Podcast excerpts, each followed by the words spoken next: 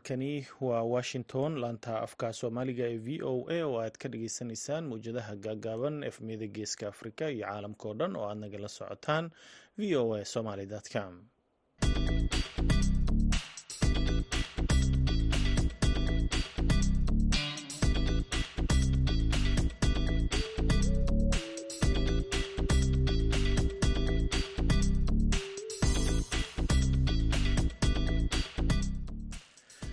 duhur wanaagsan dhegeystayaal waa maalin jimco ah bisha disembar ee sanadka kana waa afrikada bari saacaddu waxay tilmaamaysaa kowdii iyo barkii duhurnimo idaacadda duhurnimo ee dhallinyarada maantana waxaa idinla socodsiinaya anigoo ah cabdulqaadir maxamed samakaab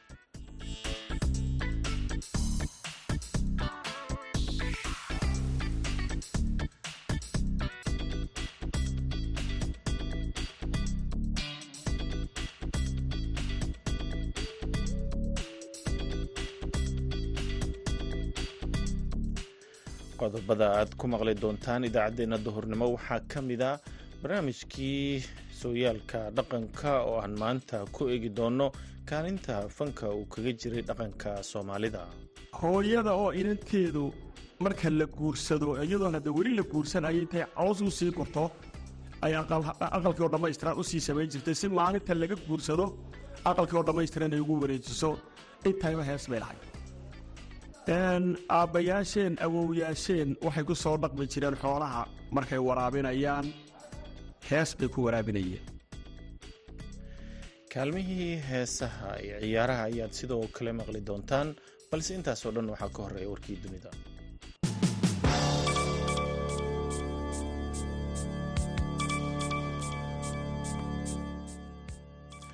dowladda soomaaliya ayaa sheegtay in duqeyn dhacday toddobiyo tobankii bishan lagu dilay sarkaal sare oo ka tirsan ururka al-shabaab.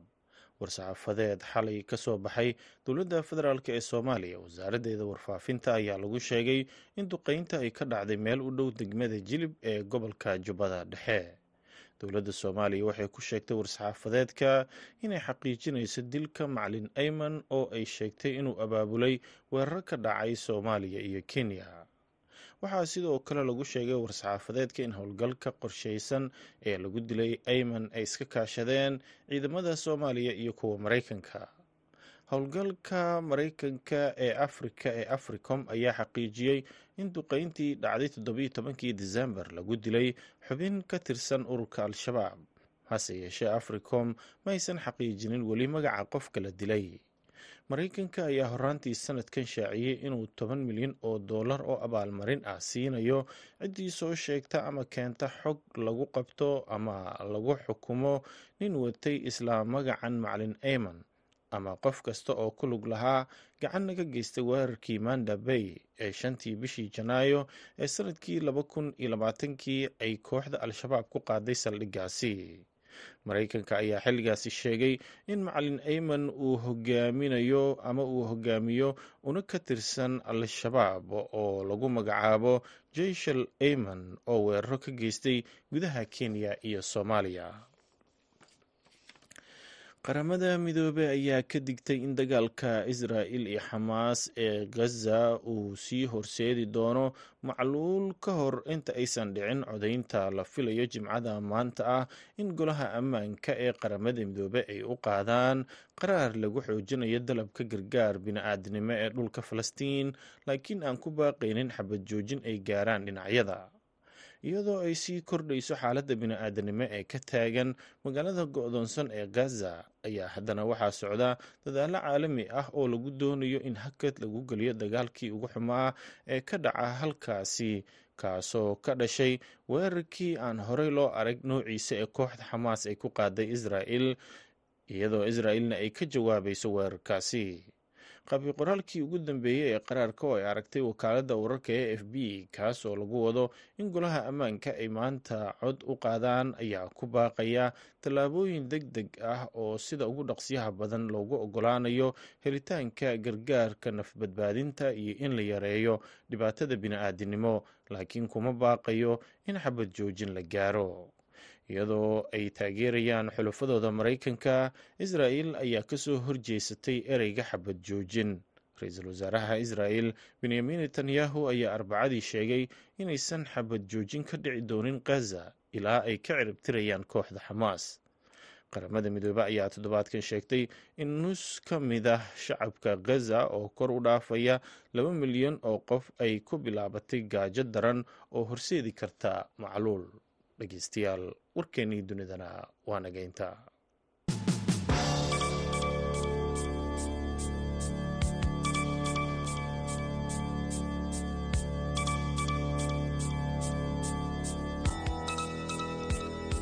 duhur wanaagsan mar kale dhegeystayaal halkaaad warkaasi ka dhageysanayseen waa idaacadda v o a oo idinkaga imaaneysa washington.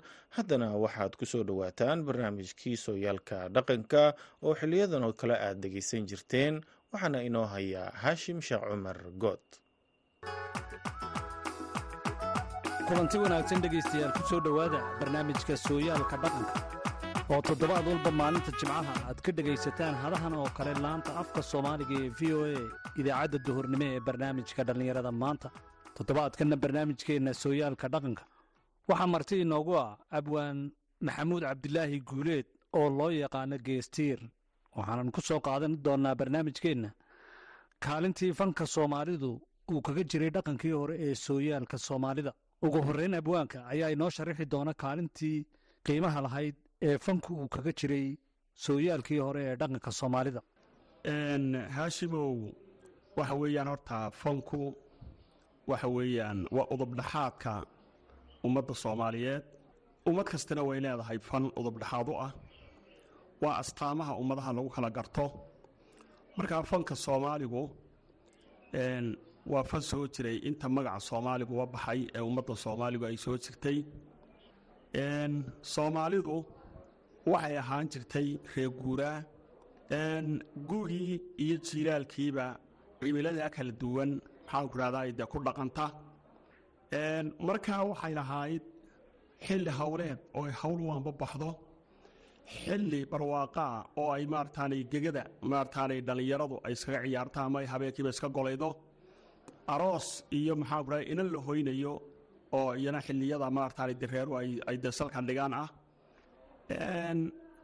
hooyada oo inanteedu marka la guursado iyadoona de weli la guursan ayay intay caws u sii gurto ay aqalkii oo dhammaystiran u sii samayn jirtay si maalinta laga guursado aqalkii oo dhammaystiran ay ugu wareejiso intayba hees bay lahayd.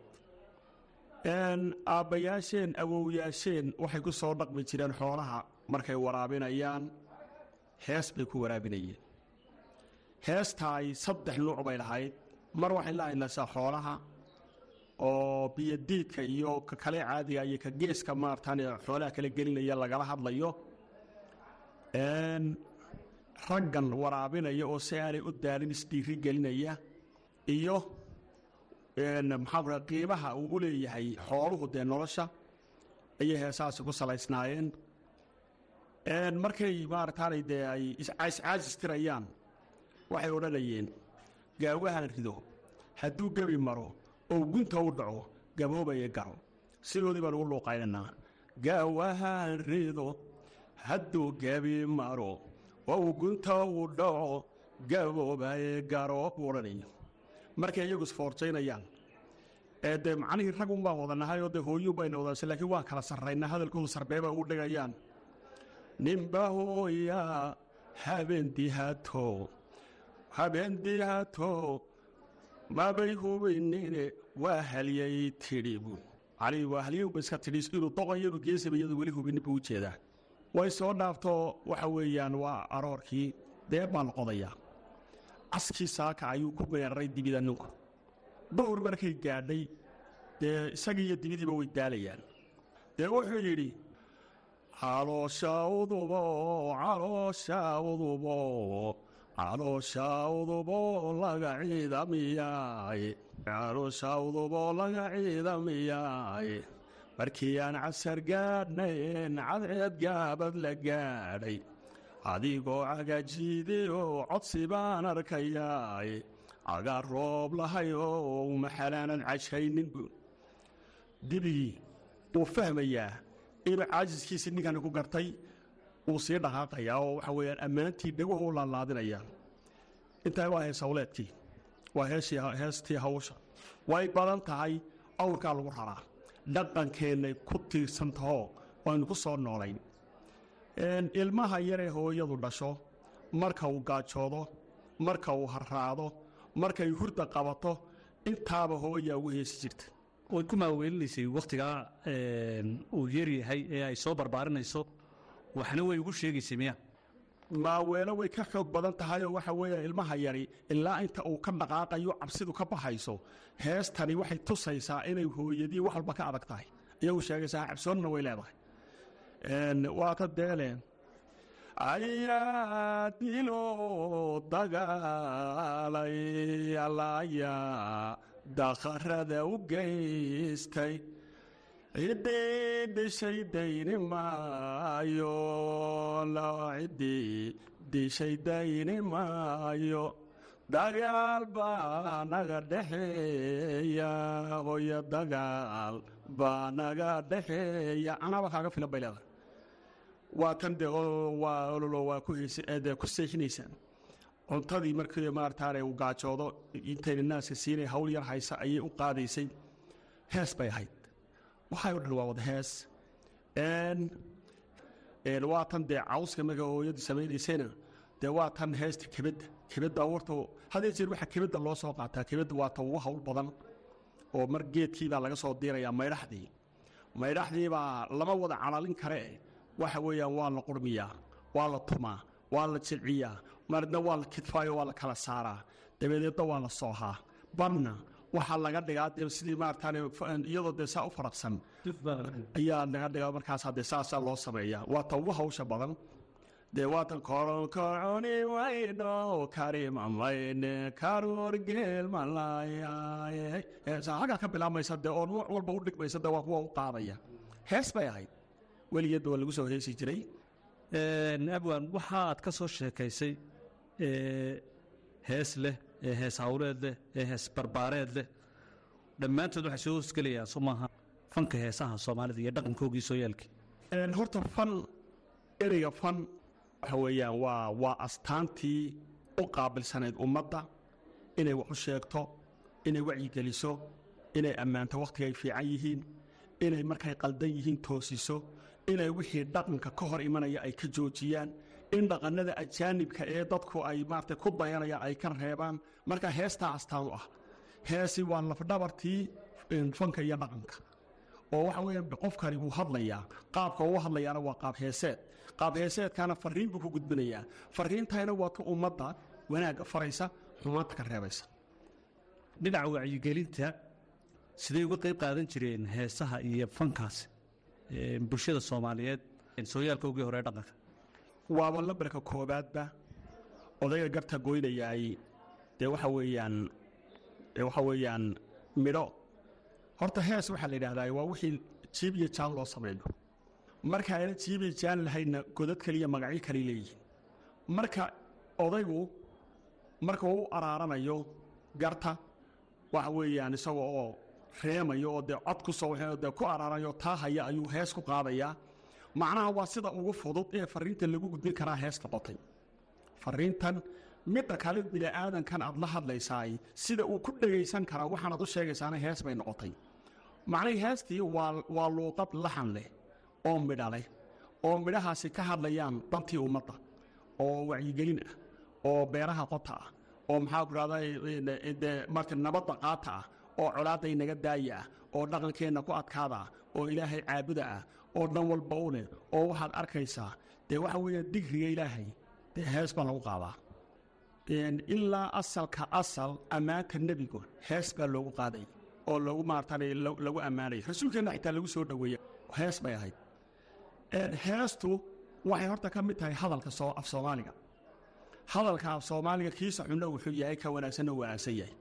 Heeska cunno wuxuu yahay ka wanaagsanna uu wanaagsan yahay.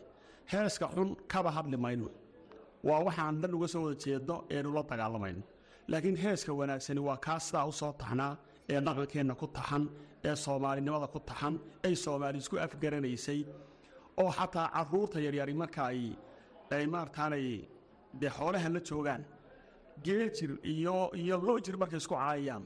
Dee waxa weeyaan hees bay isugu gudbin jireen maxay odhan jireen? Taasoo kale markaad bal tilmaanto. Geejiro u dhowflo u dhegayso dhuusa badani oo u dhegayso. Hees noocaasay u qaadi jireen lojirku geejirkuna lafa u qaadi jiray wayna ismaqlayaan wayna isweerari jireen.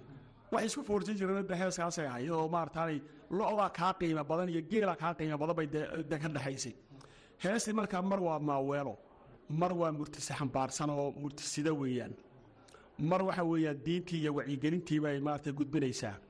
Ereyga hees maaha dembi. Laakiin waxaa ku soo biiray iminka shaqa looga dhigtay ayaa isweydiin leh maxaa isbedelay muddadan dambe aynu hadda ku jirno markaad soo eegto sooyaalkaa dhaqanka ee hore ee soo jiray ee soomaaliyeed iyo wakhtigan xaadirkee la marayo maxaa isbedelay ee ku soo kordhay markaa heesihii iyo habkii loo fahamsanaa waxaa ku soo biiray nin la yidhahdo youtube.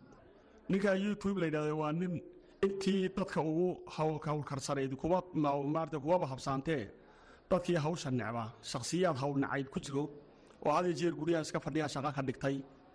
Kuwaasina si ay u helaan daawasho fara badan waa inay kolba dhankay doonaan u dhigaan.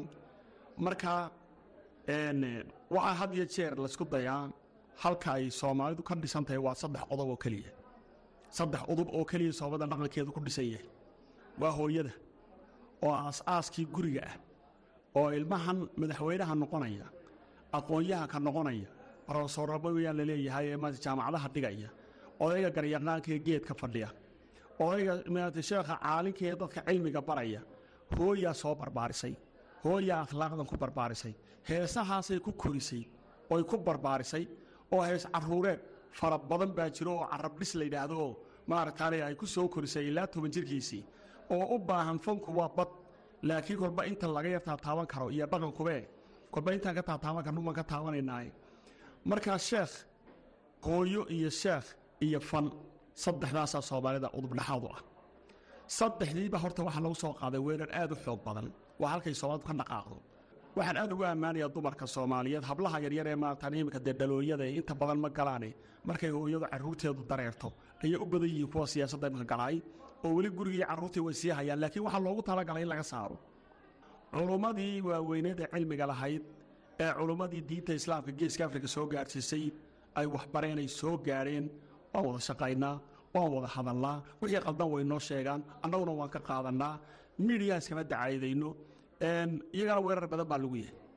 Marka waxa weeyaan weerar waa dhaqan la dagaalla weeyaan.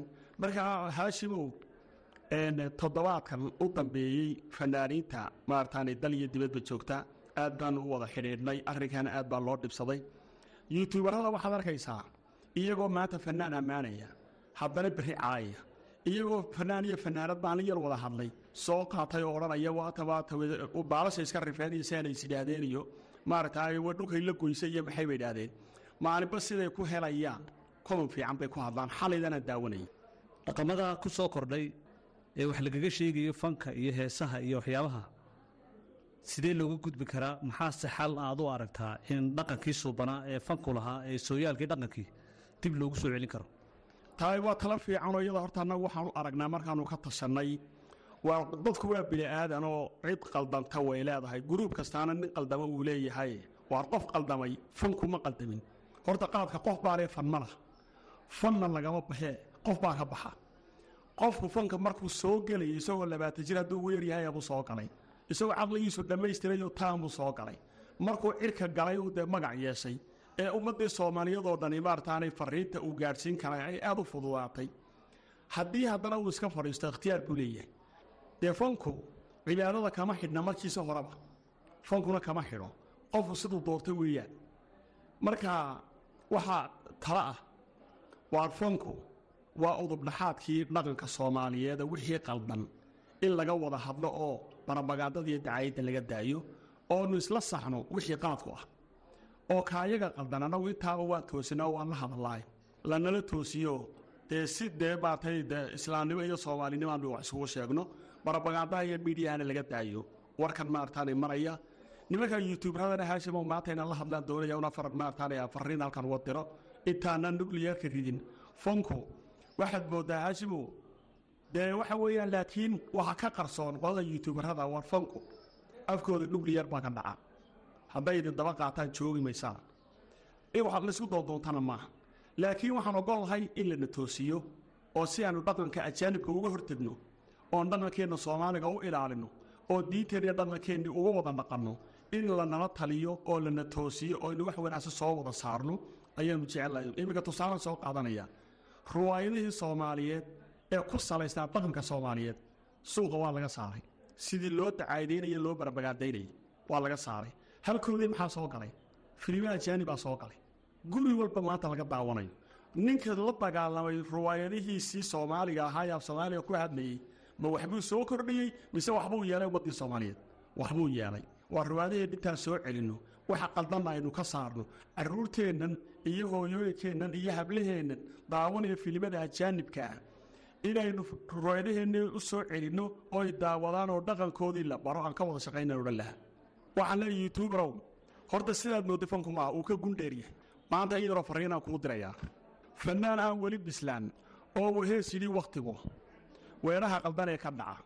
Qofyowga wareejiyee waa yuutubaradii bulshada walbahaariyow fanku iswereerin maaha waykaa waykaana maaha dharaabba halkuu warjiro waysada ka biyeysa maaha wanaagga ka leexa maaha dhaqanka walbahaari maaha hiddaha lagu yahay walaal inaad wax ka sheegta maaha ee waa waanada shacbiga waddada loo sii maroo afkeennaa weheshadee ceebtaa la wadwadag ma laha fanku ceebtaa ma laha. Xilli walba weerarrada diinteenna ku soo wajahan. Warmaha u diyaarsanee fanku waa waabsho weeye waxaan leenahay yuutubarow isku dirka iyo kala dirka fanka laga digo. Intaas waxaynu ku soo gunaanadaynaa kuna soo gebagabaynaynaa barnaamijkeennii sooyaalka dhaqanka ee toddobaadka oo aynu ku soo qaadannay kaalintii fanka sooyaalkii dhaqankii hore ee soomaalida martina uu inoogu ahaa abwaan maxamuud cabdilaahi guuleed oo loo yaqaana keystiir waxaa barnaamijkaydii ka soo diyaariyey magaalada boolama anigoo ah haashim sheekh cumar good. Tan iyo kulantideenna dambe dhegaystayaal waxaan idinkaga tegayaa sidaas iyo nabadgelyo.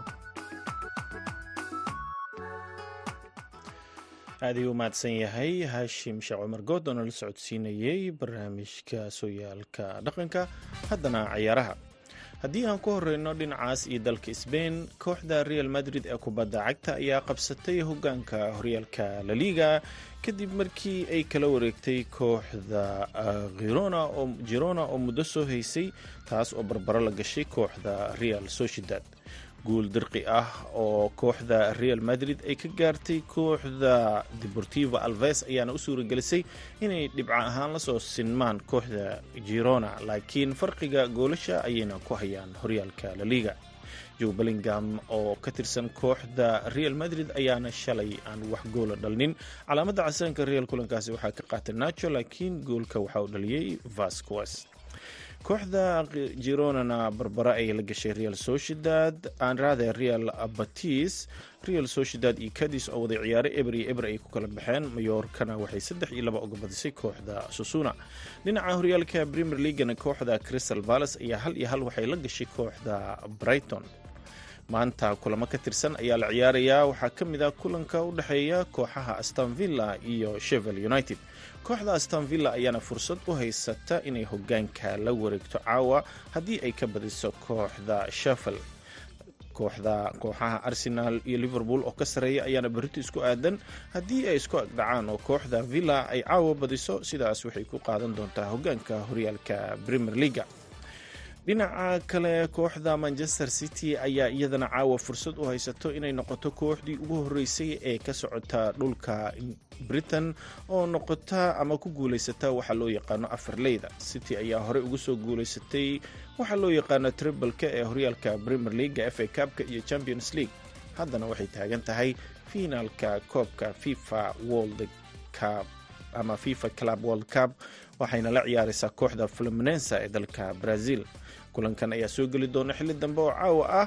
Waxaana city haddii koobkaasi ay qaada ay noqonaysaa kooxdii ugu horreysay ee ka dhisan dalka britain ee ku guuleysata afar koob. Markaasi ay u soo tartantay sanad gudihiisa. Dhinaca dalka talyaanigana horyaalka siraaga kulamo ka tirsan ayaa la ciyaarayaa kooxda lazia ayaa waxay la ciyaari doontaa kooxda imboli sisolo iyo genowa ayaa isku aadan. Monza waxay la ciyaari doontaa kooxda fiorentina halka kooxda ac milan ay la ciyaari doonto kooxda kale ee sanlatana kulamadan ayaana ka mid ah kulamada horyaalka siraaga beritana waxaa markaasi fooda isgelin doona kooxaha liverpool iyo arsenal oo ah kuwa xiligan fikta sare ka jooga horyaalka premier leaga kulankaas ayaana ah mid si weyn loo xiiseynayo guul ay gaarto kooxda astanvilla ayaa labadoodaba waxay u diidi doontaa in midkoodna uu hogaanka qabto. Wararkeenna ciyaaraha waa naga intaa. Haddana kaalmihii ama heesaha